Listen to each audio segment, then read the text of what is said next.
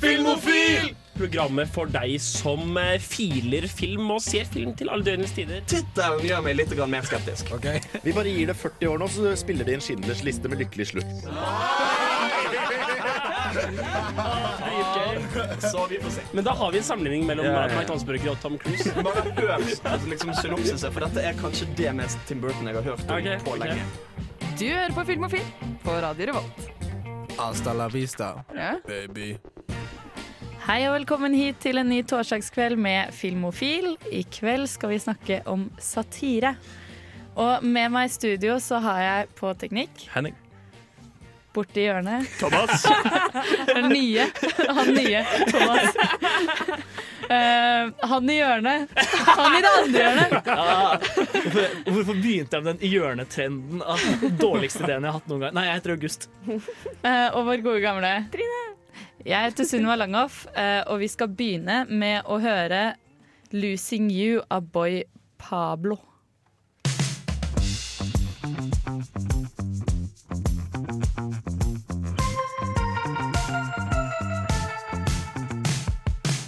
Ja, velkommen tilbake til Filmofil. Vi skal snakke litt om hva vi har sett siden sist. Og Trine, du kan jo begynne med det. Ja, Um, jeg bestemte meg for å se opp noe, for at ehm, eh, Første gangen jeg så den filmen der, så var jeg bare sånn Nei, vet du hva, det her er pissdårlig. Så den opp igjen. Uh, det er da Guardians of the Galaxy 2. Oh. Og jeg så den opp igjen, og den ble verre. å nei. Um, der tar du selvfølgelig feil, for det er en fantastisk film. Nei, den er ikke det! Jeg tror du har sett feil film, Trine. Nei, men det er liksom CG-en er pissdårlig. Oh, ja. Baby Groot blir bare mer og mer irriterende for hver gang jeg ser den. Og det liksom bare Det, det har en viser godt hva liksom farsfigur er og sånn, men resten av det er jo bare bullshit. Lite spørsmål om Baby Groot. Jeg mener jeg leste på nettet en gang at han er ikke Groot. Det er liksom sønnen hans eller noe sånt. Ja. Stemmer det? ja, det er vel det, men de viser jo ikke det i filmen. Det Nei, er det, vel, ko- det kommer ikke fram, men Nei. Det er vel som en sånn Phoenix, liksom. At uh, det vokser opp fra røttene Jo, hans, på en jo, jo, på en måte, men det er ikke han som kommer tilbake. Eh, dagens nerd skal komme inn og si at det er sønnen, fra den siste siden hans, sin, da, så det er hans sin sønn og ikke Groot selv. Vanskelig å vite når alt de kan si er I am og Groot. Han arva den egenskapen. Ja. Men jeg føler det er litt tilfelle med en del Marvel-filmer. At de ikke nødvendigvis holder seg så godt ved gjensyn. Altså, selv, selv de med godt rykte. Jeg husker jo Da jeg så opp i en Winter Soldier i høst Og var litt sånn, nei vet du hva, den var, den var akkurat, akkurat så dårlig som jeg husket den, om, om ikke verre. Jeg, jeg hørte faktisk på Radioresepsjonen i stad, så snakket de om uh, Guardians of the Galaxy. Ja. Og de eh, beskrev det som en uh, slags fremtid, da. At det ville være sånn i fremtiden. Og så er jeg litt sånn Selvfølgelig. Uh, Røde eh, mennesker og sånn. Du likte ikke hva, Civil- Nei? Winter Soldier? Ja. Nazi-datamaskiner og sånn? Det var ikke kult? Nei, jeg likte Ikke- ikke det heller. Ikke, ikke helt min gate, det. ass. Kan jeg ta neste? Ja, selvfølgelig kan du det, Ning. Jeg så Black Panther. Jeg fikk Ah. et kinogavekort, og tenkte ja. Ikke spoil, ikke spoil. Jeg har ikke sett den ennå. Eller for så vidt foreleserne våre spoiler den uansett. Jeg og August sin foreleser spoiler den for dør. oss. Nei, jeg husker at du fortalte om det, for du anmeldte den. Da Ja, sa du det at eh, det virka som at alle plotpointene liksom ikke gikk noe særlig sted. Ja. Det virka at de bygde opp, bygde opp, bygde opp, ikke sant? og så forventa at det skal komme ei avløsning av alle sammen på en måte i slutten. Og jeg begynte å se på klokka. Avløsning. Det var Det er utløsning, doktor. Nei, eh, du, Jeg tror, og jeg tror du tenker på forløsning, men forløsning, kanskje det. Ja, det kan se. Hjelp. I hvert fall. Uh, jeg er helt enig. Jeg begynte å se på klokka og tenke at de har ikke tida til å, å avløse Det er, de her historiene. Og så etter hvert så skjønte han nei, det her er så langt det går. Og så var filmen over. Altså. Ja, for Ja, det, nå føler jeg at vi kanskje går litt inn i i spoileren. Jeg skal holde det så spoilerfritt fritt som mulig. Men det virker litt som om dette var eh, Killmonger sin film, men vi Mm. fokuserer på Black Panther. For alle de gode tingene er Killmonger-delen, Ja. og den er en ganske liten del av filmen. Det. Av det som er det gode av filmen, kanskje. Ja, Jeg er enig. Det, jeg var ikke fornøyd i hvert fall. Jeg, jeg, jeg hadde skikkelig håp om at det skulle være en skikkelig kul Marvel-film. og sånn Og jeg, jeg digga det estetiske, på en måte de draktene deres og våpnene deres. Sånn. Det var det jeg kom for, på en måte men jeg følte det var lite av. Så det var uh, kjedelig. Ja. Og så var det liksom to-tre vitser eller at det liksom skulle være artig, men det var jo sånn memes fra fem år siden. Ja, det, det, det sa jo jeg, jeg ble ordentlig sinna på. ja, jeg, jeg, jeg slo meg selv i hodet da jeg hørte det. Liksom. Det var. Det er et tidspunkt hvor ei dame sier 'what are those?' og peker på skoene til hovedskuespilleren. Liksom. Fordi han har på seg sånne magiske sko. Eller hva Ja, det, det, er liksom, det er memes som var utdatert for tre år siden. Når du bare Når var denne filmen lagd? For et halvt år siden. Ja, nemlig. Så stor skuffelse fra Black Panther der, altså. Ja, det var det. Vi skal snakke mer om hva vi har sett siden sist, men først skal vi høre Lucy av Still Woozy.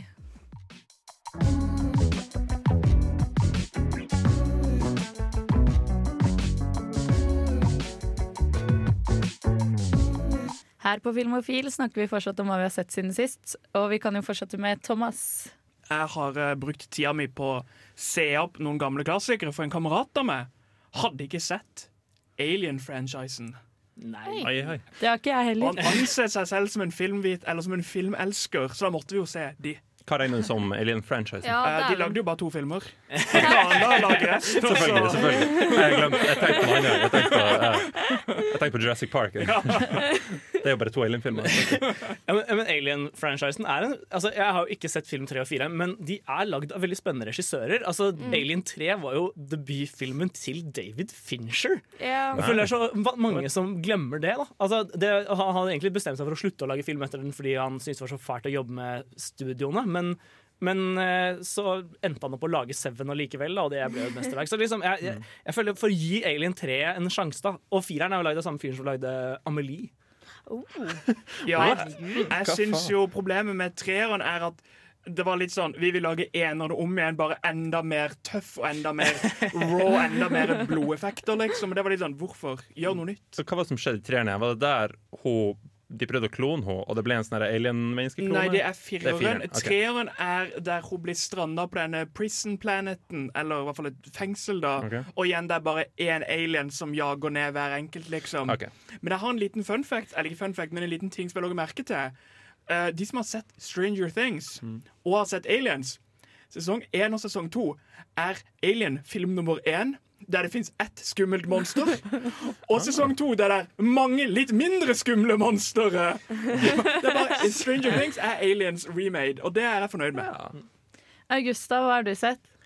Jeg, har, jo sett en del. Vi har hatt eh, litt sånn langt avbrekk siden eh, Kosmorama. Kosmorama tok litt for mye ut av oss. Det, det tok litt energi akkurat denne uka. Men eh, eh, i hvert fall eh, det jeg har lyst til å trekke fram nå, er eh, en serie som har kommet på Netflix nylig. Som jeg tok meg tid til å se denne uka. Ja, for jeg har jo et Oi. hederlig unntak Wow. til min serier er Satan-regel, og det er, eh, det er animasjon. Eh, og Ah. nå har en av, de, en av de eh, høyest rangerte animene på IMDb kommet på Netflix. Vi snakker om One Punch Man. Ja. Eller One Punch Man, som de kaller det i Japan. Um, Men i hvert fall, det handler om helten Saitama, som uh, har bare tatt masse pushups og situps og løpt masse hver dag og blitt verdens kraftigste superhelt. Han bekjemper hver eneste fiende i nesten hele serien med ett slag. Det høres ut som han heter One Punch Man? Ja. Eh, men det som er så herlig med serien, er at han blir jo helt apatisk. Fordi altså, hva er vitsen med å liksom være helt når Eller det blir, det, blir så, det blir så kjedelig å være helt da, når man beseirer hver eneste fiende med ett slag. Så du ser han bare alltid ikke bryr seg. Det, det er faktisk ganske underholdende, altså. Det er veldig kjedelig for han å bare gå fra A til B. Liksom. Det er mest det han driver med. Da. Ja, en, en, en stor del av det er liksom En stor del av spenningen kommer i Klarer Saitama å navigere seg gjennom denne byen sånn at han kommer fram til skurken? Ikke sant? Det blir, så, det blir sånne latterlige ting. da Det Jeg, jeg var veldig fan. Ja, det var det jeg skulle spørre om. Blir ikke actionsekvensene veldig sånn eh, Blir ikke det veldig sånn Veldig ned på dramatiskheten? eh? Hva- skal vi si, de blir ikke så veldig dramaturgisk spennende, men de er veldig estetisk eh, fete å se på. Det handler vel mer om at dette her er jo en, en parodi, eller kanskje en uh, satire på shonen-anime, som er jo hele fighting-animeen. Og det er jo liksom hele denne komedien, men det som gjør serien underholdende, er jo at det er jo en komedie der du tar alle disse tropene og gjør det om til en komedie, og det er kjempegøy å se på. Anbefales. Jeg har sett den, jeg også. Hva har du sett da, Sunniva? Jeg har sett uh, Inside Out. Har du endelig fått sett den? Mhm. Den uh, var cute. Men jeg, jeg ble litt skuffa. Ja, den er hypa litt vel opp. Ja, den uh, er det. Det var liksom litt mange stemmer i hodet på en gang. Er det ikke, fire, da? Husker jeg feil? Jeg har ikke sett den. Ja, det det, ikke det er fire fem? stemmer. Fem, Fem? kanskje. Ja. Mm. Men det, det jeg syns den filmen nailer, er på en måte den emosjonelle kjernen. Altså Ja. De øyeblikkene som skal være følelsesladet, er oppriktig, oppriktig følelsesladet. De er jo det. Jeg hadde bare egentlig vært forberedt på at det skulle være litt mer om kanskje depresjon. Altså Den Mm. depresjonen som var beskrevet, var veldig sånn over tre dager typ, og ikke over et halvår, eller sånn som jeg hadde forventet. da Så det var vel kanskje det som skuffa meg litt. Ja, men jeg tror vel også noe av poenget ikke var å snakke om depresjon, men om tristhet. Ja. Og i så forstand så syns jeg den Fordi ja, det å være trist er noe annet enn å være deprimert. på en måte Og i så forstand syns jeg den er vellykket. da. Ja, det har du helt rett i. Det er kanskje mer logisk å beskrive tristhet for barn enn depresjon. Det er lov å være trist, det er lov til å skrike litt. Ja. Vi skal videre. Eh, Etter sangen skal vi snakke om eh, nyheter. Mhm. Men først skal vi høre 'I'm Still A Man' av Klubb Kuru.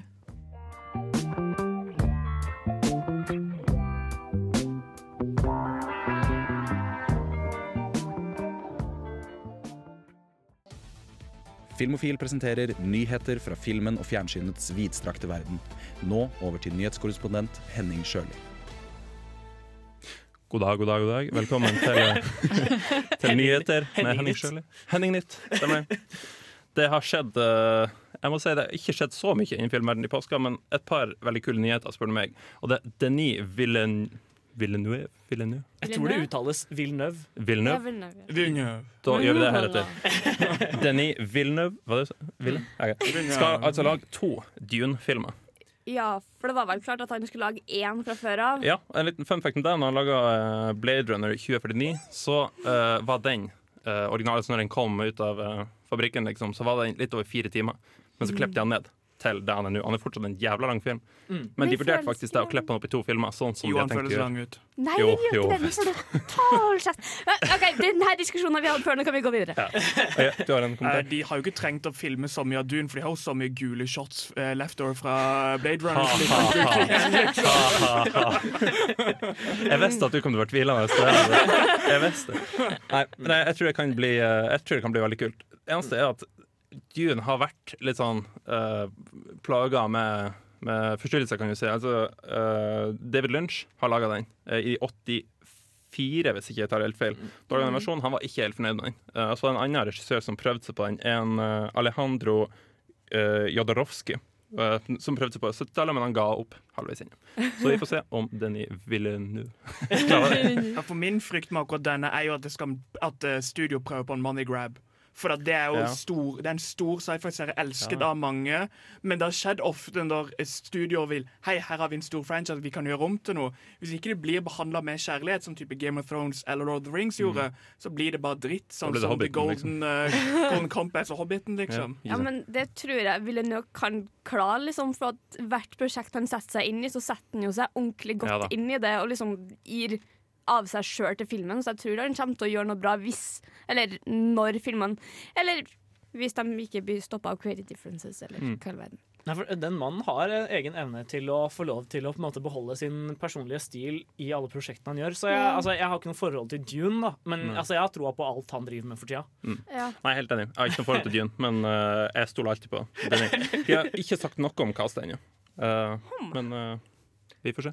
Han har sagt at det er drømmeprosjektet hans. Det er filmen som har plaga han i 35 år. Han har, så, han, har, han har faktisk alltid hatt lyst til å lage den. Yep. Uh, han har sagt at den kommer ikke til å være noe lik David Lynch sin film. Så Kommer til å bli mye spice. ja, jeg håper det. Men så kan det også bli en money grab. Men jeg ser ikke for meg det fra Denis. Vi har troa. The Matrix kommer i 4K Blu-ray Eh. 22. mai. Og det, det liker jeg. Jeg har, jeg har uttalt min kjærlighet for The Matrix før. Altså. Jeg digger den filmen. Og den er filma på 35 mm, faktisk. For Den var filma like før det skiftet til digitalt. Så av alle filmer så den filma på 35 mm. Det ante jeg ikke. Ja, men min frykt er Har de animert noen scener på nytt, eller noe? Fordi at mm, Problemet med den filmen er jo at mange av de effektene ikke holder opp for øyeblikket. Eh, Da tenker jeg veldig på to og treer, liksom. Det er en del av de effektene som ikke holder opp. Ja, det, det er kun eneren, altså. Det kunne eneren. Ja. da. Bare en For de andre er filma digitalt, så de Ok, kan ikke sånn, få ja, ja. 4K-release. Ja, øh, men jeg, jeg, jeg har troa på det. Mm. Altså, jeg tror den første Matrix-filmen kunne gjort seg kjempefint i en eh, sånn ny 4K-utgave. Lagde de flere? No. Nei, det var, det var en enkel film. Jo, jo, de lagde The Animatrix. Ja, ja, det, Ja, det gjør det. Nei, men jeg tror jeg, jeg syns faktisk ikke at effektene i eneren er så dårlige. Og for jeg tenkte toeren og treeren, jeg trodde det var hele Ja, nei. serien, liksom. Nei da. Ja, men det- eneren var bra. Det er noen av effektene som er litt rare. Sånn som når munnen hans smelter sammen til Ja. en eh, Ja. Smelter sammen og sånn. Ja. Det, det, er- det, det, er- et par der som er liksom OK, det var litt uheldig, men i det store og det hele, det er, funker, liksom. Ja, for Det som er problemet med sånn tidlig CGI, eller 90-talls CGI, spør du meg, det er det med alt CGI som har med kropp å gjøre. Sånn som du ser Ja. i, uh, sånn som i Lord of the Rings, ikke sant, når uh, Hva heter han? Han er Legolas? skurken. Nei, han er skurken. eh, Saruman? Sar nei. Sauron. Sauron, ja. Han står og slår de her eh, soldatene, ikke sant? så flyr de veldig rart mønster. Ikke sant? Sånne ting. Det blir ofte dårlig på Mm. sånne filmer. Men uh, det holdt seg bra i Matrix, føler jeg. I tillegg til det så skal uh, 2001 Space Odyssey på kino igjen. eh, Uh. på originalfilm. Den er jo 50 år. Den er 50 år i år. Så eh, i mai så kommer den på skjermen. Den var filma i 70 mm, og den kommer eh, Jeg fant ikke noen spesifikasjon om det, men den kommer eh, såkalt uredigert. Og da vil jeg tro at det har noe med mm, altså, fargekorrigering og sånt å gjøre. At den skal, den skal være så nært originalen som mulig. Oh ja, du mener ikke at de skal bare klippe sammen alt han har filma? For det er det det virker nei, som i den filmen. Nei, nei. Nei, Den er treig. Den kan godt ha en time kutta av seg og ha det fint. Vet du om den kommer i Norge? Nei, det står utvalgt i kinoer, og det var en amerikansk artikkel, så jeg, jeg vil tro den blir der. Jeg har lyst til å sovne igjen. I kinosalen. Ja, det kan jo hende den kommer til Cinemateket eller noe sånt. da Ja, Det kan kanskje. være. Eh, det har, I hvert fall Cinemateket i Oslo tar typisk inn sånne ting. Um, sånn som eh, da The Hateful Eight kom i, på 70 mm, så, så ble den vist der. Så Ja. eh, det, det er ganske stor sannsynlighet for at noen av de alternative visningsarenaene kommer til å, kommer til å plukke den opp. Da. Kan krysse fingrene. Eh, skaperne av Annihilation mente jo at uh, europeisk publikum var for dum for den. Kanskje de har litt samme Ja, 2001. Nei, uh, Annihilation. Så kanskje, de Oh, ja, okay. Så de kanskje har litt samme tankegang om uh, Thousand and Ja. One. Kanskje. Men snakka ikke han om amerikansk når han snakka om det? For Nei. jeg tror det er Nei. Annihilation gikk jo rett til Netflix i Norge og, og I Europa. i Europa. Det kom jo ikke på kino. Og det er så jævlig bullshit! Jeg har ikke sett den ennå, men det er fortsatt bullshit. Ja, det er ganske bullshit. Det er fordi vi er for dumme. Når eksmakene klarer å få, liksom. Hallo. En liten fun fact om det er at uh, I anledninga anledningen så leste jeg en artikkel, og da sa Stanley Kubrick at han ville ha, han ville ha narration på filmen, faktisk. Og da hadde han vært treg, skal jeg si deg. Vi skal høre Are You OK A Heartbreak eh, Satellite før vi hører mer nyheter. Just feel fine makes me ashamed of you. For et program i burra med både klasse og stil. Du hører på Filmofil. Her på Filmofil snakker vi fortsatt om nyheter, og Henning, du kan jo bare fortsette på den fronten. Ja. Uh, Dan Gilroy, regissør av Nightcrawler, blant annet, skal lage en skrekkfilm for Netflix. Uh. Og det syns jeg var litt kult jeg hørte men så hørte jeg om castet, og da ble jeg veldig interessert. Ok. Men jeg er litt usikker fortsatt. Det, er jeg, det kan gå veldig begge veier, føler jeg. Det er Jake Gyllenhaal i hovedrollen, er Og det, selvfølgelig, tenker jeg. Men, eh, det funka veldig bra forrige gang. Ja. Uh, John Malkovich, Oi. Renee Rousseau, hun spiller også i Nightcrawler. Natalie Dreyer, hun spiller Nancy Wheeler i Stranger Things. Åh. Uh, Tony Collette, Uh, hun har jeg ikke sett. Hun spiller i Sixth Sense og Little Miss Sunshine, blant annet. Ja, hun er veldig bra i Little Miss Sunshine. Ja, og Oscar-nominert for den, mener jeg. Ja. Ja. Eh, ja, det er det de har tatt med så langt, men det er flere òg. Jeg tenker at det er ei salig blanding, og jeg vet ikke hvordan det skal gå. Jeg syns det høres skikkelig lovende ut, ja. Ja. Ja, jo. Jeg syns altså Ja, altså Elementer fra Eller i hvert fall Nightcrawler syns jeg var litt eh, creepy til tider, på en måte.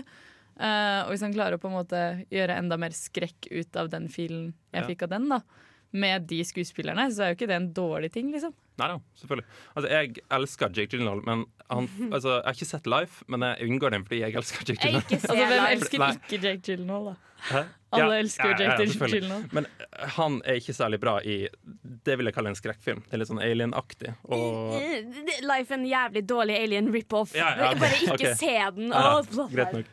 Men, eh, No. Men altså, det jeg, jeg, jeg tenker kanskje litt i de baner at eh, Nightcrawler var jo også litt komisk. Altså, Den hadde sine komedieelementer. Jeg og mine venner satt i hvert fall og lo ganske mye da vi så den på kino. Vi var riktignok de eneste i salen som lo, så jeg vet ikke helt om det var meningen. Men i hvert fall, hvis han klarer å fange den der litt sånn creepy, men komiske filen, så tror jeg det castet kan være veldig bra. Særlig John Malkovich tror jeg kan passe veldig godt inn i den stemningen. Sammen med Jake Gyllenhaal. Ja, ja, det tror jeg, altså. Ja, for det, det, det var mitt neste punkt egentlig på et bra kast, men at, altså, at han kunne svinge ut òg, på en måte. Begge de to føler jeg kan være veldig bra eller veldig dårlig. Så det Ja. henger litt på de to. føler jeg. Men det er, eh, det er John Malkovich jeg blir mest usikker på her, egentlig. Jeg har ikke sett han i en skrekkfilm før. Nei, ikke jeg heller. Og så tenker jeg liksom Being John Malkovich med en gang, og så blir jeg liksom eh. Bob, Bob. Kul film, men Ja, det er det.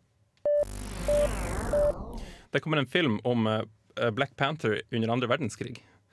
Og med en gang tenkte jeg hva i faen? Så tenkte jeg liksom dere, sånn så eh, Hvem det var? Wolverine. De har jo scenen sin at de er på, eh, på eh, stranda i Normandie.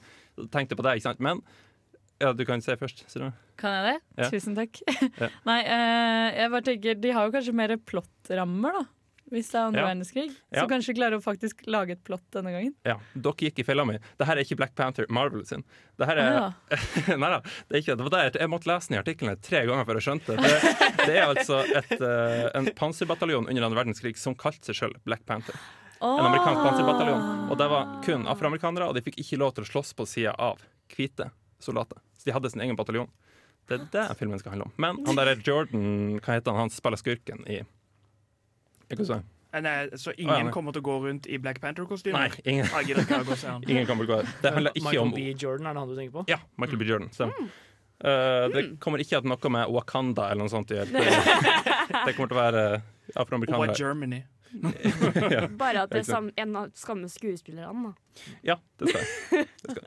Uff da. Johnny English-filmen har fått en trailer. Oh yeah! Jippi! Ja, jeg så den. eh, for Den kom for noen timer siden. Er det, en, er det en oppfølger til på en måte de forrige? Ja, det er det. det er Trenger vi eh, det? Ja, ja det gjør Vi vi. snakka om det for et halvt år siden når den filmen her, Når nyhetene mine kom ut. Og jeg tror det var du som sa det, August. Hvem er det som ber om den filmen? Hvem har lyst til å se eh, fordi Ja, Rowan Atkins er fantastisk, eh, og jeg liker å se han gjøre ting. I don't know. Jeg likte, altså jeg kommer ikke til å se den, men jeg tipper at pappa kommer til å prøve å trenge med meg til å se den, for han digger igjen. John English, hva i verden? Jeg, jeg synes det er litt trist med Rowan Atkinson, for han er egentlig en utrolig dyktig både komiker og skuespiller, men så har han på en måte blitt pressa inn i en veldig, veldig smal nisje. Mm. Som er liksom preget i stor grad av Mr. Bean. Ja. Og jeg syns det er trist at vi ikke på en måte får se hans øvrige på en måte register, da, for han har veldig mye mer å komme med enn akkurat den spesifikke rollen. Ja, for du vet, det med Mr. Bean, ikke sant? Han krasjer ofte borti noe i bilen sin, ikke sant? og så ser han ut sånn, eh, sånn skjevt ut av vinduet. Det ansiktsuttrykket der har han i traileren når han krasjer borti en syklist, eller hva det er. Så, liksom, eh, så har han Mr. Bean-trynet og ser rundt. Det er, han er veldig Mr. Bean i den filmen. Det Dessverre. Problemet er at det er ikke Mr. Bean-trynet, det er hans sitt faktiske tryne.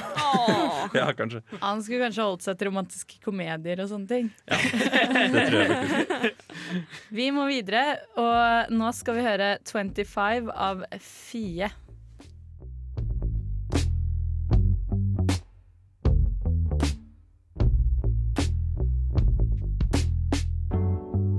Fie med 25 der, altså.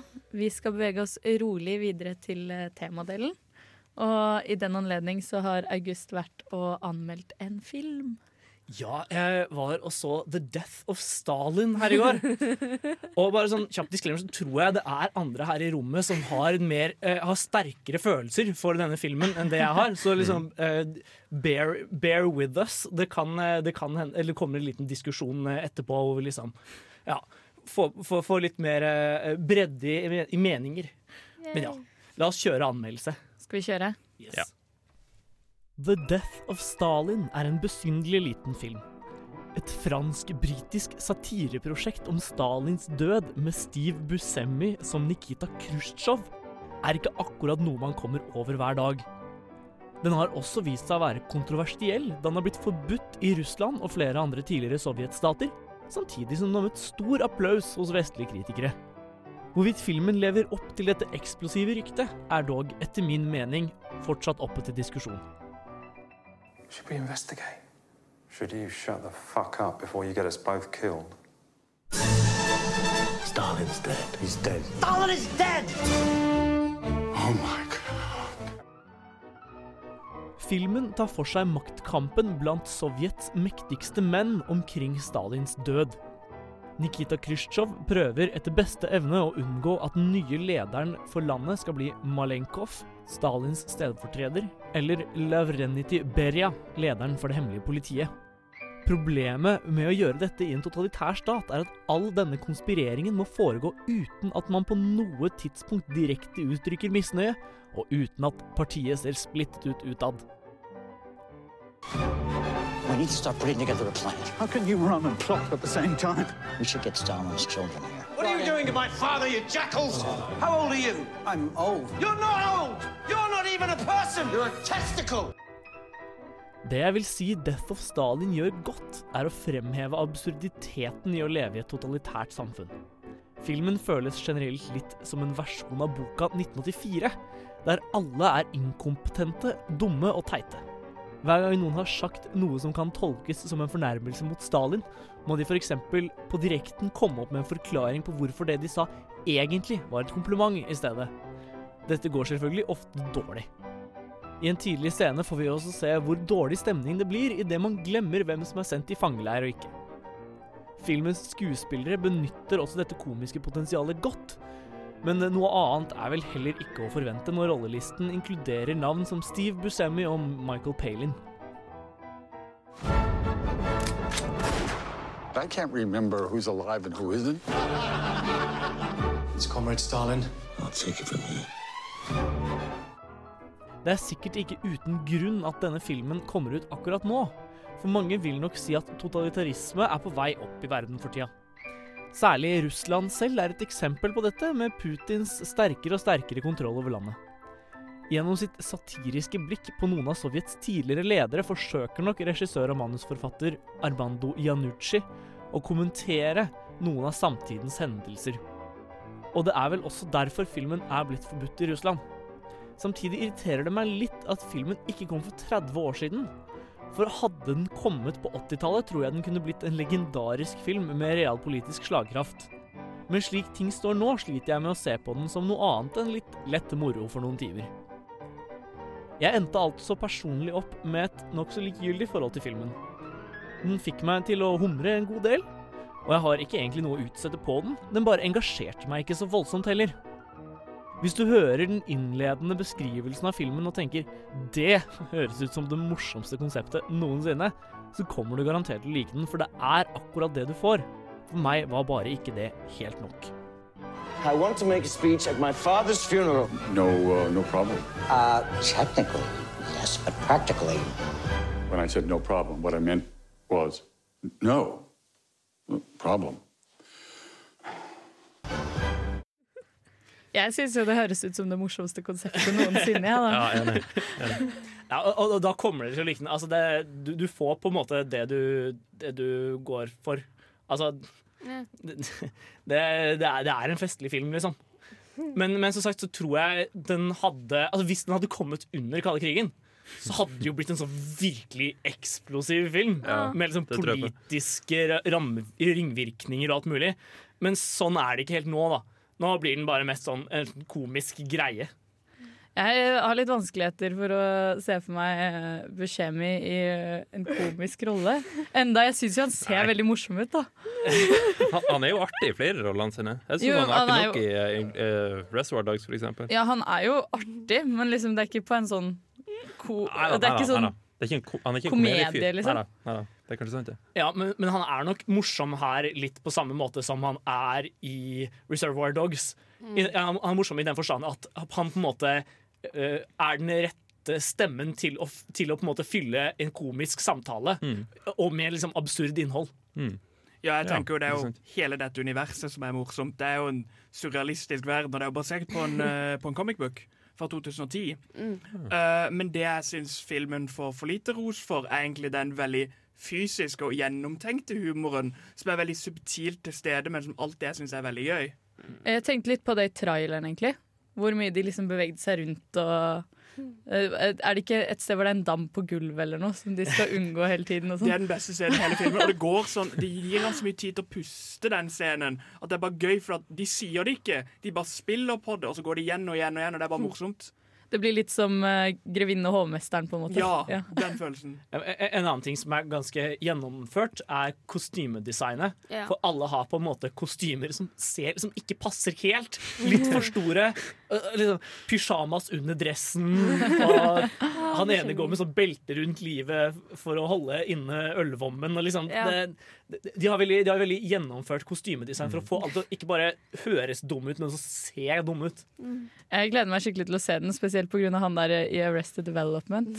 Han uh, George Bluth spiller jo en av eh, Det er hovedrollene. han tryllekunstneren? Nei, det er Joe. Nei, det er, fa det er Faren. han faren som kommer i fengsel i Arrested oh, ja, han, ja. Development. Stemmer. Jeg skjønner ikke på hva han heter. Nei, ikke heller. Bare, bare konseptet Steve Buscemi som Nikita Khrusjtsjov er liksom nesten verdt å se filmen for. Ja.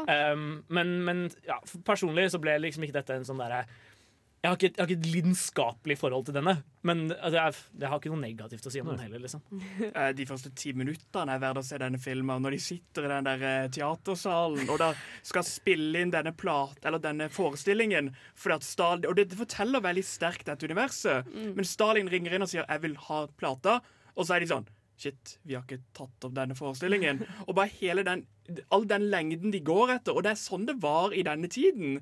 At det er bare så surrealistisk og morsomt, og det gjøres på en veldig perfekt måte, der de ikke gjør narr av de som hadde det ille heller. Nei. For det viser at det er ille, men de gjør det med et skråblikk, så det er gøy. Det er sånn, Finn folket på gata! Alle sammen smil, smil, smil, smil! Ellers dør vi. Feite folk! Feite folk! For de er med lyden. Det høres veldig artig ut, da. Se den med feber. Det er kjempegøy. Jeg husker ingenting av den filmen lenger. Og det må jo sies deg, jeg, jeg tror nok det er eh, lurt å se denne filmen i en kinosal med andre som ler. Mm. For komedier blir veldig mye bedre eh, andre steder enn pressevisning. For eh, det er tynt befolka kinosaler med Ja. seriøse miner. Eh, så ja, jeg, jeg, tror nok, jeg tror nok filmen kan være bedre enn det på en måte, inntrykket jeg fikk av den. Da. Vi kan jo håpe på at de lager en oppfølger om hvordan Putin har vunnet valget fire ganger. Eh, vi skal videre med satire etter at vi har hørt 'Story' av Al, Al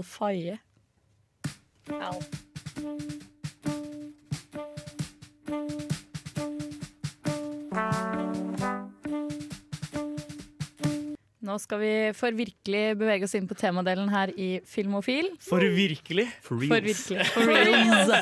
Med sett. Eh, med sett. Det er veldig viktig. Vi er hippe og kule. Mm. Eh, og i dag skal vi jo snakke om satire. Med sett. Med sett. Satire. Satire. Eh, og August, du kan jo kanskje begynne med å forklare litt eh, hva satire er. Altså, satire er jo et begrep som slenges ut der i forbindelse med veldig mye rart om dagen. Ja. Uh, i, I forbindelse med liksom researchen til denne episoden Tro det eller ei, vi gjør research. Oh my Eh, God. men- Nei, du må ikke avsløre det, da, August.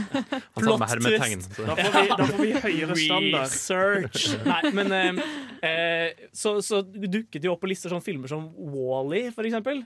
Og det er, sånn, er det egentlig en satire, mister? Eh, og det, jeg, jeg synes i hvert fall, men i hvert fall, vi har valgt å gå ut fra Wikipedia-definisjonen av styre.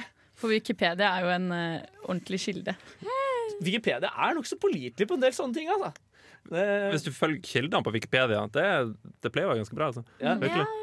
Det er høy, høy, eh, høy standard faktisk Ja, ja, på en god del Wikipedia-innhold. Men i hvert fall eh, definisjonen som de har gått for der, og som er på en måte standarddefinisjonen som er brukt innen akademia også, er på en måte eh, en humoristisk tekst som bruker ironi og sarkasme til å kommentere svakheter eller på en måte hykleri hos en person eller en institusjon med den hensikt å prøve å endre samfunnet til det bedre.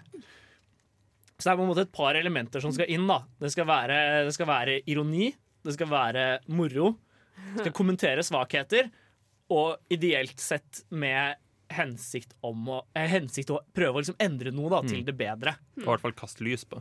Ja, ikke sant?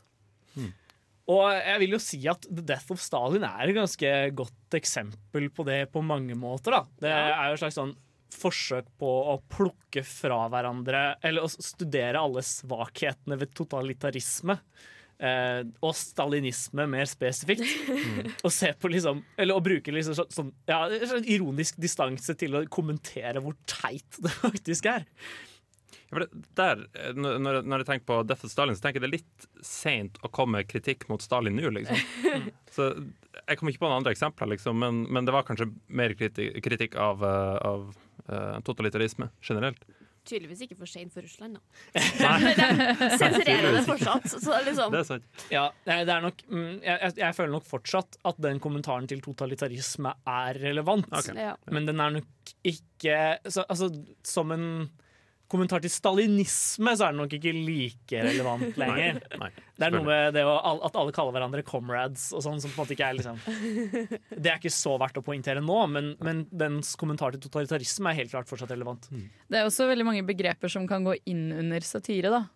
Som uh, for eksempel uh, uh, Hva heter Parodi. det? Parodi, ja. Det var ordet jeg lette etter. Ja, for parodi skiller seg jo litt fra satire. At En parodi skal på en måte ta formen fra en type verk og prakke det på en annen for komisk effekt. Mm. Eh, et eksempel jeg fant, var eh, filmen 'Pride and Prejudice and Zombies'. Du tar zombiesjangeren og på en måte prakker dens stilgrep på eh, på en Jane Austen-adaptasjon, samtidig som du beholder mye av Jane Austen-språket. Det er på en måte ikke en kommentar til Jane Austen eller til zombiesjangeren.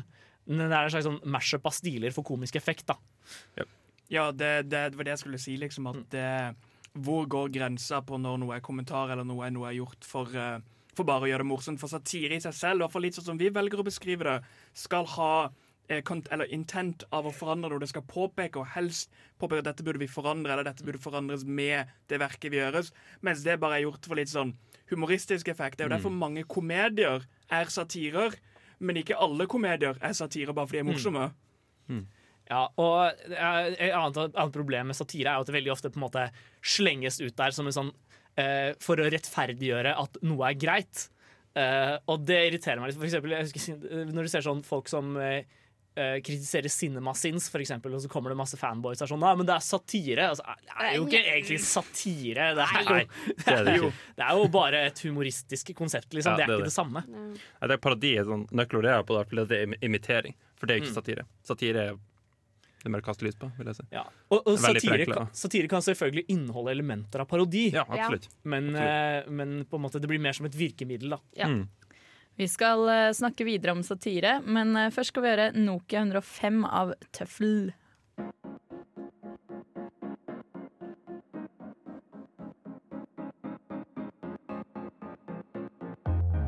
Satire har jo også et historisk aspekt ved seg, for det har jo vært rundt ganske lenge. Så vi må jo kanskje gå litt inn på det også. Ja, satire sånn vi kjenner det i dag, har jo sitt opphav fra, på en måte, fra litteraturen.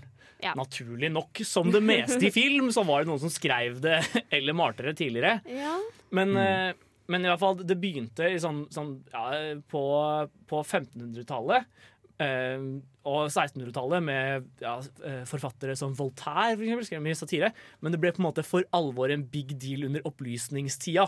Man skulle Oh, liksom man skulle, eller det ble, det ble brukt som en sånn litt mer subtil måte å kritisere adelen på. Og det ble jo hipt eh, med på en måte folkeopplysningstida, da. Ja. Um, men så satire har jo vært med filmhistorien også nesten helt fra starten. En eh, tidlig filmskaper som er verdt å merke seg, er jo Charlie Chaplin. For veldig mye av det han drev med, hadde ganske sterke satireelementer. Og det er vel kanskje akkurat denne filmen vi kommer til å komme inn på nå, som du eh, skulle ønske Death of Stalin gjorde, og det er jo The Great Dictator, og faktisk slippes når denne perioden Mm. faktisk er. Og det er jo da en, Mm. en satirefilm på Hitler under andre verdenskrig. Mm. Som på en måte ja, hadde det er Chaplin sin gode gamle liksom, uteligger som tilfeldigvis blir tatt opp på talerstolen eh, for eh, på en måte Hitlers armé og sier liksom Hvor teit er ikke det her? Ja, bare Eh, fordi han ligner på Så heter han vel Kittler eller Kittler eller Kittler. Kittler. Nei, jeg husker ikke. Men også sånn som Modern Times inneholder en del sånn samfunnskritiske aspekter Ja. gjennom, eh, gjennom komikk, da. Ja. Og der er, ikke, der er det kanskje ikke like mye ironi til stede. Altså, det gjelder jo Chaplin generelt. Han er ikke like ironisk som mange av hans eh, etterfølgere i filmhistorien. Ja. Eh, eller hans senere satirikere. Men eh, han, han var en av de som på en måte aktivt brukte eh, komedie til på en måte samfunnskritikk, da. Og det, er- det, av den grunn er han veldig relevant å trekke fram her. Ja, jeg lurer på ironi. Hvordan går det når, du, når de var stille filmer? For han er jo liksom kjent for sine silent movies. Så var ironi noe han kunne bruke når han bare var liksom, Når du ikke har lov å snakke? Eller er ironi en veldig verbal ting? For jeg vet at ironi på tekstmelding er veldig vanskelig å plukke opp på. Så tenk bare du har ikke lov å si noe overhodet, og så skal du prøve å få fram ironi. Det er ganske vanskelig. Ja, men det er ganske mye altså, Tenk på Death of Stalin. Da. Det er ganske mye av den filmen som på en måte er ironisk, men som kun er fysisk. Ja. Sånn som, sånn som en, god del av, altså det, det, en god del av den scenen hvor eh, Stalin ligger i sin egen liksom, puddle of piss, så, så er det jo liksom Det er jo ikke det de sier direkte som gjør at du oppfatter at dette, dette er litt ironisk ment. Eh, Mm. Det er jo også veldig mye av kroppsspråket deres og sånn. Så i den forstand tror jeg en, en ironisk film er lettere å formidle med stumfilm enn med tekstmelding. nå. Ja. Men i hvert fall senere i filmhistorien har vi også en del viktige eksempler på satire. Eh, Wall-E. Nei, ikke Wall-E. men eh, nei, vi, vi har jo vært inne på gode gamle Kubrick Ja. tidligere denne, denne sendinga. Og eh, hans Dr. Strangelove Or How I Learned to Love the Bomb. ja, regnes jo av mange som kanskje liksom den, den eldste satirefilmen som fortsatt har litt sånn satirisk edge. Den tar jo for seg på en måte ja, kalde krigen og alle problemene tilknyttet Eller og alle absurditetene tilknyttet atomvåpen. Ja. På eh, elegant vis. Um, så eh, Hva skal vi si? Det, Kubrick kunne også humor. Ja, men det er jo veldig gøy når det fortsatt er relevant i dag. Mm. Det er sånn, ok, ja, mm, nei. Men når du ser Trump, så er på en måte Dr. Strangelove plutselig litt relevant igjen. Ja. En annen eh, eh, satire fra, fra 70-tallet, da, eh, som jeg har, har veldig lyst til å trekke fram, er Network av Sidney Lumet. Det er en av mine favorittfilmer fra, liksom den, fra den perioden. Mm. Um, og eh, som på en måte handler om TV-bransjen, da. Ja, og hvordan TV-bransjen er så kynisk at de eh, kunne være villige til å drepe noen for gode ratings. og eh, det er, det er helt fantastiske, fantastiske rolletolkninger, og alt er på en måte Du ser, du ser de har kost seg med å legge inn sånne hint til at Nei, det er, jeg mener ikke egentlig det. er- Det er sånn subtil ironi gjennom hele filmen. Det er, åh, det er ordentlig deilig å se. Eh, and on that note så går vi videre i sendinga eh, og skal høre Hailey med Youth. Morning breaks, clouded shapes, made the same. Som eh, August så vidt kom inn på før sangen her, låta her, så kommer vi oss gjennom en del favoritter denne sendingen. Eller eh, klassikere, kan man Klassikere. kanskje si. Klassikere! og i den anledning så er, eh, skal vi eh, snakke om ukas filmlåt. Mm Mhm. og det er 'Always Look On The Bright Side of Life' fra oh. Monty Pythons Brian. Life of Life of Brian. Brian. Brian. Brian. For Monty Pythons er jo en av de hva skal vi si, kjente eller kjente TV-satiri Eller noen av de mest kjente TV-satirikerne Ja. fra på en måte TV-historien. De, de og deres uh, Monty Pythons Flying Circus eh, lagde sketsjer som aktivt kritiserte mye britisk politikk uh, Ja. gjennom absurde sketsjer. De har også klart å bli forbudt en del steder. Som i Norge. Nei, har de det? Ja, Ja, ikke Life, lenge. Life of Brian var vel sensurert fram til 90-tallet eller noe sånt, Mm. En av de siste filmene i Norge Eller en av de siste gangene eh, blasfemiparagrafen i loven om ytringsfriheten ble benyttet. Stemmer det. Eh, den, ble, den ble regnet som for blasfemisk for norsk, norske seere yep. helt fram til 90-tallet. Ja. Så kom Bondevik og satt av greit. Det var han som mente jeg var kul. Nei, Bra, ikke bra type, han Bondevik. Ja. Hei. Det var kanskje ikke han. Det skal jeg ikke si. De har jo også klart å lage litt sånn eh, satire ut av historiske events, som i The Holy Grail. Mm. Hvor de jo på samme måte som kanskje Death of Stalin eh, klarer å lage satire av noe gammelt, men kritisere nåtiden. Mm. På et vis. Ja, og, og den tar jo ikke bare for seg på en måte Altså, den, de er jo, de er jo sketsjbaserte Ja, det. eh, i veldig stor grad, Monty Pythons. Men eh, det, det de gjør med den er Hver sketsj kritiserer på en måte hvert sitt aspekt ved samfunnet på sitt vis. Så de får liksom kritisert alt på en gang. Ja, men det jeg føler uh, The Holy Grail gjør best, er en slags sånn metakritikk av uh, hele sånn middelalder-epos-sjangeren.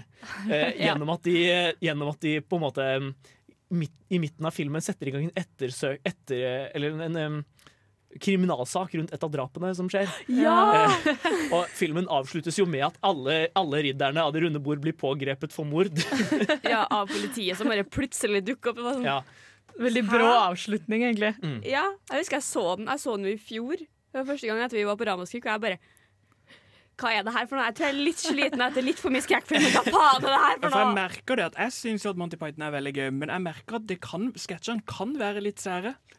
Eh, De eldre sketsjene, for du, du merker kanskje ikke at dette var ment til å være politisk humor. Nei, sånn som Ministry of Silly Walks er jo en kjempekjent sketsj. Eh, og i dag så er jo den jeg, I hvert fall da jeg så den første gang, så synes jeg den var mest komisk fordi de gikk teit. Og det var Ja, helt ja. absurd. Når du er fire, så er det kjempeartig. Ja. Men i ettertid så har jeg jo innsett at det var en kritikk av uh, over... Eller av hvordan eh, den britiske regjeringen hadde altfor mange underkomiteer som Mm. gjorde alle mulige Ja. teite ting. uh, så er det, det er en slags sånn satirisk kommentar til at det finnes for mange ja, eh, eh, departementer. Da. Ja, så er spørsmålet da som jeg tenker Når det kommer til disse Går satire ut på dato? Det, på et vis gjør den jo det, siden den har til mål å endre et aspekt ved samfunnet. Og hvis det aspektet ved samfunnet blir endret, så sitter man jo ikke igjen med den samme følelsen når man ser det. Man kan fortsatt verdsette det som en satire, men det, har helt, altså det, at, det at den skal være så aktivt samfunnskritisk, gjør at den helt klart har en datostempling. Da. Ja, det slutter jo på et tidspunkt å være relevant, på en måte. Ja, det tror jeg at det, liksom, det svir mer når det kommer ut, og så noen år etterpå så er det liksom Da kan du minnes liksom det, men eh, det, det er selvfølgelig ikke det samme. Og det gjør litt vondt når en satire som liksom Dr. Strangelove fortsatt er relevant i dag. Det er litt sånn Å, vi har ikke klart å endre det her! Jonna. Nei, nei, mm, OK. Stort tema, det. Nå får vi prøve å huske på de gode sidene av livet, da, dere. Eh, vi kan jo kanskje høre sangen 'Always Look On The Bright Side Of Life' av Monty Python fra Life of Brian. Some things in life are bad. They can really make you mad. Vi må jo også komme litt inn på hvor grensene går i satire. Ja, det er jo en god del satire Eller en del filmer som måtte omtales som satire, men som vi kanskje ikke helt føler er det. Eh, eller som i hvert fall er verdt å ta diskusjonen rundt. da En film som dukket opp ofte under eh, researchen, var jo eh, Som vi, vi tenkte ta litt diskusjon rundt nå, Ja. er jo Deadpool. Ja. For eh, jeg, har litt, jeg har litt problemer med den eh, på mange områder, men, men, den, eh, men den har veldig sånn tydelig slags sånn kritikk Eller ikke, den, har veldig, den påpeker veldig feilene ved superheltsjangeren. Ja. Den tar på en måte institusjonen superheltsjanger og på en måte sier Tenk på den tropen der, er ikke den, er ikke den litt komisk? Og er ikke den litt komisk? Men så gjør den på en måte akkurat det samme selv. Ja. Så den blir på en måte litt sånn Den blir en slags sånn påpeking av feil, men ikke helt en satire. Det blir jo kanskje mer en slags parodi, fordi Ja. Jo, jo, men den For den parodierer jo på en måte superheltsjangeren. Den prøver jo ikke å endre den. Jeg vil jo si at der er jeg litt uenig, for jeg syns det er en satire. For det kommer jo litt an på hva den vil forandre. For det vi har kommet frem til, at den må bruke ironi, humor og tro på av, gammelt, og så vil den prøve å forandre der den kommer fra. Jeg tror vi ser litt for mye på satire som en politisk ting. Her prøver han å forandre eh, det som er et veldig stor del av vårt samfunn, som er comic book-landskapet. Og der synes han jo det. Han påpeker og og han har jo forandret en del ting. I hvert fall comicen som han er basert på. Har vært med å forme denne sjangeren, og gjør jo narr av det. Og det er jo sånn det virker. For mange av våre store satirefirmaer er ikke sånn 'Dette må du gjøre annerledes', og sånn gjør du annerledes. Nei, de tar et tema, sier 'dette er galt fordi', og så bare lar de det være. Jeg syns fortsatt liksom, Deadpool blir en parodi på seg sjøl. Det er liksom ikke, det er liksom ikke satire. Det han er bare en parodi på seg sjøl, for som August sier, de tar jo, gjør narr av uh, superhelttropene, men gjør det jo sjøl uansett. Så det er litt sånn, de prøver jo ikke å endre på noe. Og jeg, jeg er usikker på om det er en parodi. på seg sjøl. Ja, men liksom For den, den, ja, den Du kan jo si at den tar formen fra superheltsjangeren og bruker den på superheltsjangeren for komisk effekt. Ja. Men eh, nei, jeg vet ikke helt om jeg er med på den heller. Eh, jeg, vil, jeg vil si at den er, den, helt klart, det er helt klart en metakommentar til superheltsjangeren. Ja. Men hvorvidt den er en satire, er liksom Jeg, jeg vet ikke helt. Jeg vil jo si at det er definisjonen på satire. Det er en, en kommentar som skal påvirke hele området. Og mange av de filmene vi har snakka om, hvor mange av de scenene har 'sånn skal du gjøre det bedre'? Det er jo mer sånn at de viser noe som har gått for langt, noe som har gått en annen vei. De viser en ironi enn en komedie og sier 'dette er det du gjør'. Helst forandre, og det er jo det Deadpool har gjort i alle årene den har eksistert, og i filmen. er at den viser at disse tropene må dere. Alt dette det er jo ironi, det er overalt. Det er bare det at den er ikke politisk, den handler mer om liksom comic book-filmer, og det er kanskje der folk faller litt av. Ja, nå må du ikke gå for mye inn på liksom kildematerialet og liksom Liksom selve tegneserieopprinnelsen til Deadpool. Du må heller fokusere på filmen. Og Opphavet nok også, jeg et rød. Men eh, altså eh, hva, hva var spørsmålet mitt? Jo, altså, når du, når du lager satire av noe, må du ta avstand fra det. For det føler jeg på en måte. Du kan ikke, du kan ikke sjøl være skyldig i å gjøre det. Mm. Eh, det, det. Selvfølgelig Med sjølironi så går det an, på en måte det blir ikke helt det samme. Da er det ikke helt satire, spør du meg. Men ja, fordi når du tar for deg et politisk aspekt av det, da. For Mm. eksempel Death of Stalin, så er det jo litt mer kanskje 'ikke gjør dette hjemme'-typ. Altså sånn, jo, jo, men det er sånn de forteller noe som har gått for langt eller gått galt, da, og er liksom tenk over dette. Sånn kan dette Ja. som skjer nå, også gå, for eksempel. Da. Mens i Deadpool så er det mer sånn ha-ha. Ja. Se, se alt vi gjør feil, på en måte, men ikke noe sånn det er, Som August sier, det er ikke noe forsøk på å endre det på noen som helst måte. Eh, vi skal høre Ralphie av Post Animal etterfulgt av en liten pause, før vi går mer gjennom satire.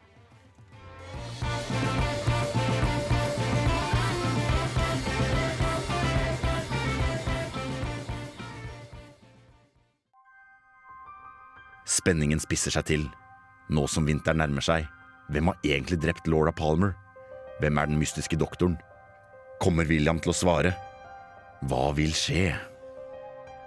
Ukas TV-serie. Vi skal innom enda en eh, klassiker fra satiresjangeren nå. Litt mer moderne klassiker, da. Ja, riktignok. Eh, vi skal snakke om South Park som ukas eh, serie, og Mm. Henning, det er du kanskje glad for?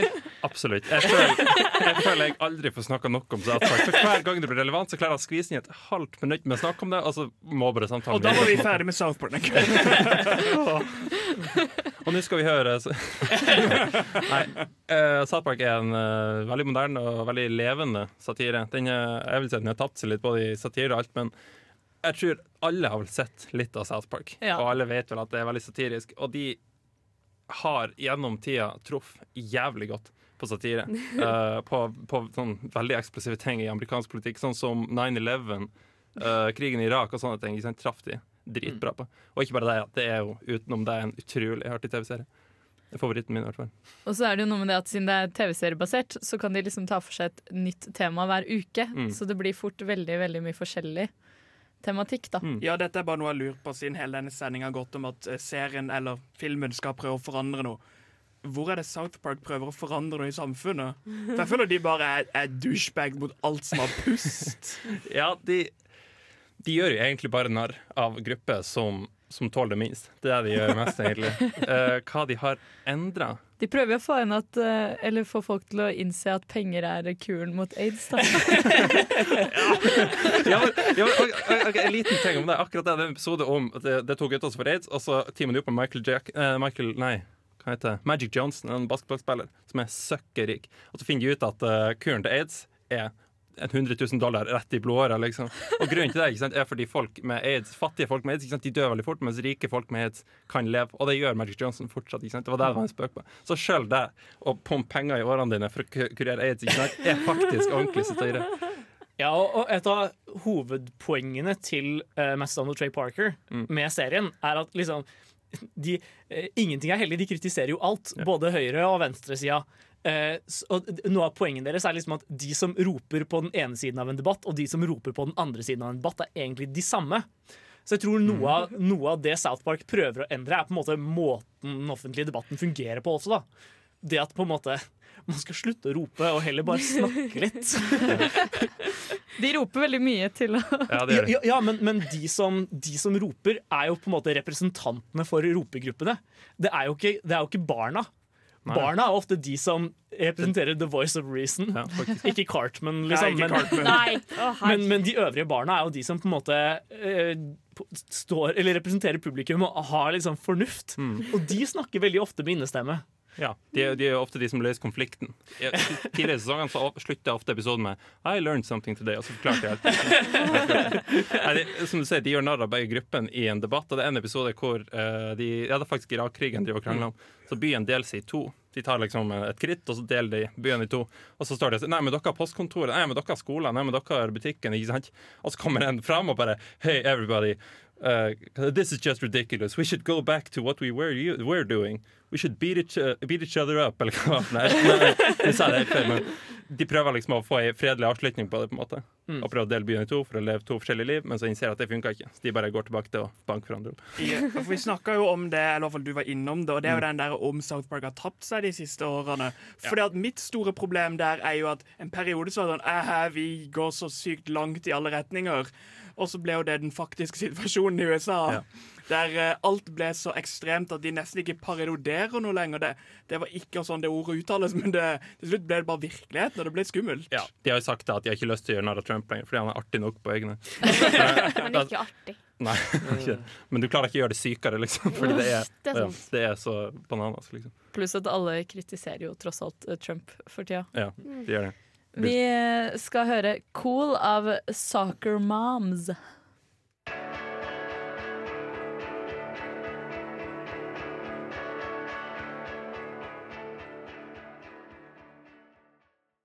Vi må jo også kanskje snakke litt om hvorvidt eh, satire fungerer eller ikke. For det er jo også en diskusjon for seg selv. Ja, Vi kom jo så vidt inn på det før eh, låta her, Mm. i forbindelse med South Park. At liksom når virkeligheten blir for absurd, fungerer egentlig satire til å kritisere den da? Eh, det, det er ett aspekt ved det som er liksom verdt å ta opp i disse dager. Da. Du ser jo på en måte eh, Særlig amerikanske komikere jobber jo veldig hardt ved å liksom latterliggjøre Trump til enhver tid og på en måte parodiere han.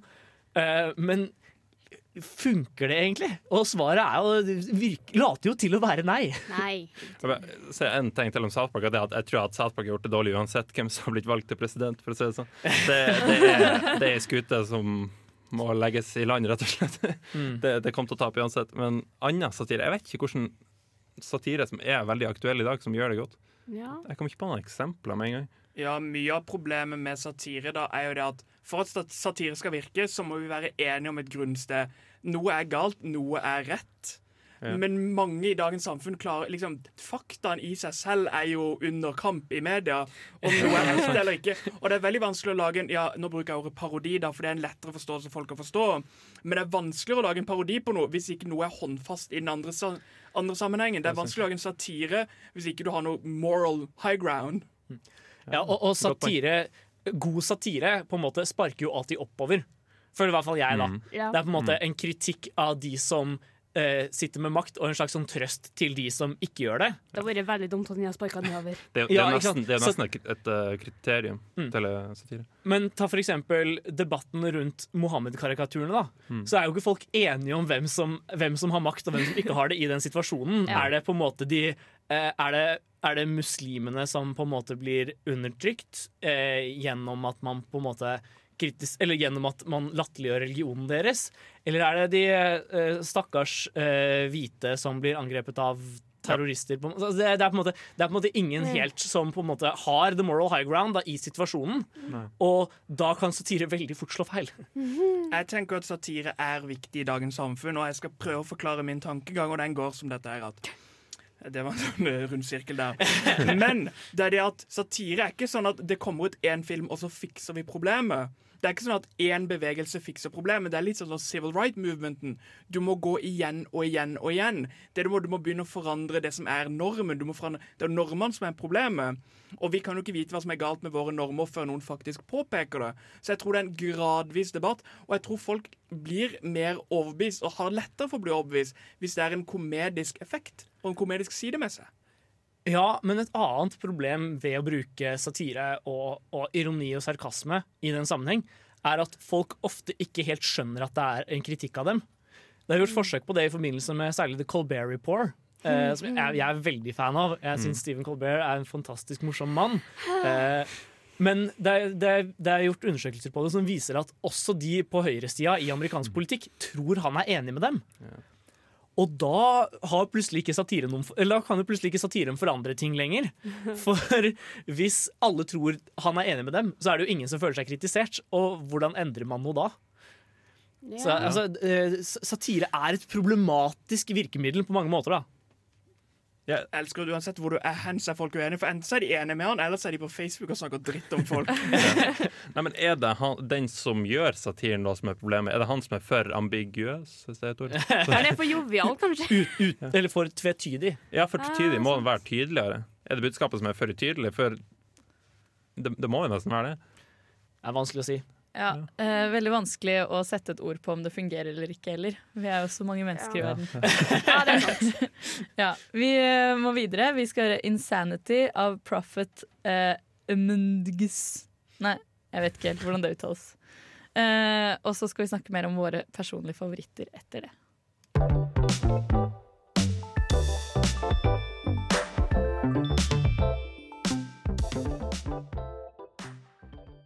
Vi skal avslutte temadelen i dag med våre personlige favoritter. Og Trine, du kan jo starte. Ja, jeg skal snakke om en film vi ikke har snakka om ennå. Eh, som mange sikkert har fått med seg, så er jeg veldig glad i Edgar Wright. Uh, og min favoritt-satirefilm blir vel Hot Fuzz. For jeg er veldig satire på liksom um, landsbypoliti. Og det er liksom bare OK, vi må, vi må skape våre egne problemer for å få For å, for å få litt action. Ja, her kommer mitt spørsmål, da. Eh, hvordan kan det være en satire, men ikke Deadpool? For dere var sterke imot det. Jeg var ikke steik imot det. Jeg sa ingenting! For Det Trine sa nå, var vel at det var en, det var en satire på lokalpoliti. Mm. Eh, men det, det, det er selvfølgelig også en sjangerparodi, på en måte. Men Ja. hun så bort fra sjangerparodien. Hun så kun på Det er jo også en parodi på sånn småbyfolk eh, generelt. Ja. da. Ja. Smålandsby Men hvor er det han vil forandre noe? Det er det jeg lurer på, for det virker som det har vært en stor del av denne debatten. Liksom. Thomas, kan du bare Vi kan hoppe videre til min favoritt, som tar opp akkurat samme tema. eh, nemlig Kops. Det er jo basically den svenske versjonen av Hotfuss. Oh, ja, ja, ja. Eh, det handler jo eh, om eh, en liten landsby i Sverige, og der er det ikke småbyfolket som må lage trøbbel, det er politiet selv. For politistasjonen skal legges ned da, pga. for lite kriminalitet. Så da må de selv lage kriminalitet, sånn at de kan få fortsette å ha Mm. Politistasjon i bygda. da. Og spise, fortsette å spise pølse i vaffel og chille på kroa. Weird, weird people.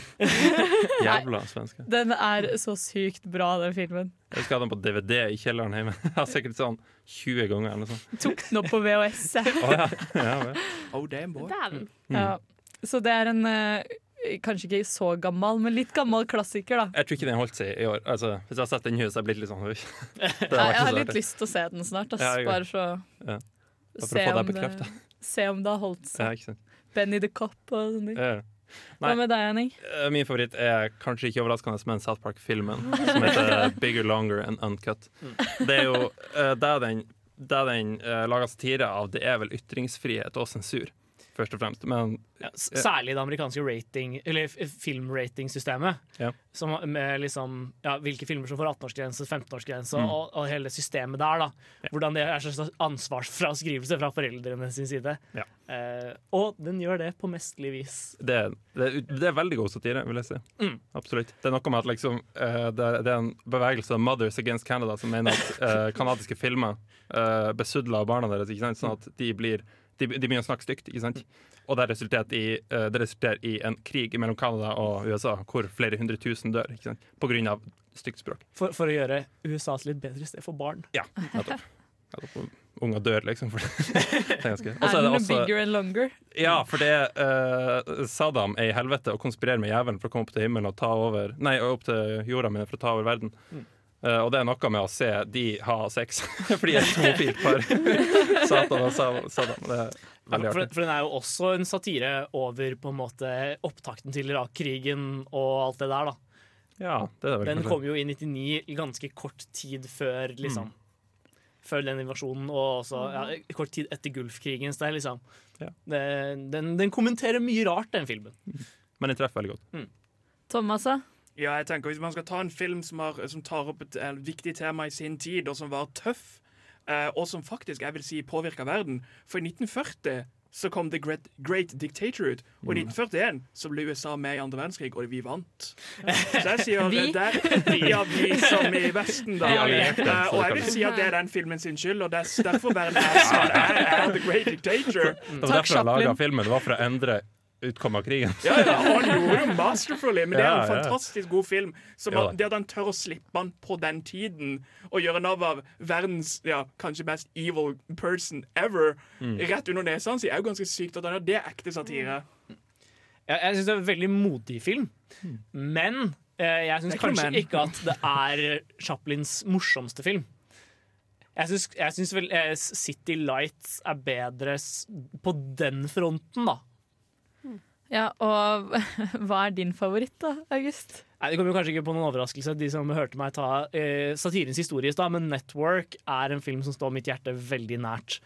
Eh, jeg er rett og slett kjempeglad i hvordan den altså, Jeg er jo ikke noe fan av TV som konsept, og en satire som kritiserer TV-sjangeren, er derfor perfekt for meg. Men ja.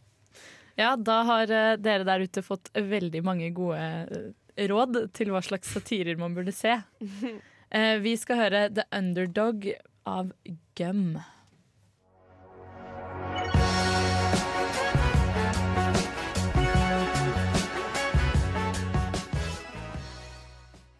Da er dessverre kveldens eh, sending eh, slutt. Å, herregud. Men ikke fortvil, for vi kommer jo tilbake neste uke, og da Mm. skal vi snakke om moderne western. Og i den anledning så har vi jo en hjemmelekse også. Nemlig eh, No Country for Old Men. Ja, og hvis noen ikke har sett den, så er det jaggu på tide, altså. Ja, Den eh, må jo nesten ses. Ja. Absolutt. faktisk Hvis det, hvis det er en moderne west- westernfilm du må se, eller film i det hele tatt må se, de, siste, de siste 15 årene, husker ikke når den kom ut. Men. 2007. Ja, ikke sant? Det er lenge siden jeg har sett den. Siste ti årene. Det er 11 år siden. Ja. Se Holder seg godt, da. Holder seg godt. Mm. Uh, I studio i dag så har vi vært på Teknikk. Henning. Eh, Del Toros største groupie. Thomas. Uh, borte i hjørnet. August. Og vår gode gamle Trine. Hei. ha det. uh, ja. Vi må Du kan, eh, hvis, hvis du ikke fikk med deg hele sendinga, så kan du høre den eh, både på Spotify og på radiorevolt.no. Ja, og så kan dere også følge oss på Instagram og på Facebook. eh, Legges ut eh, funny ting der. Eh, jeg heter Sunniva Langhoff, og på vei ut skal vi høre 'Soldier' av Death by Unga Bunga.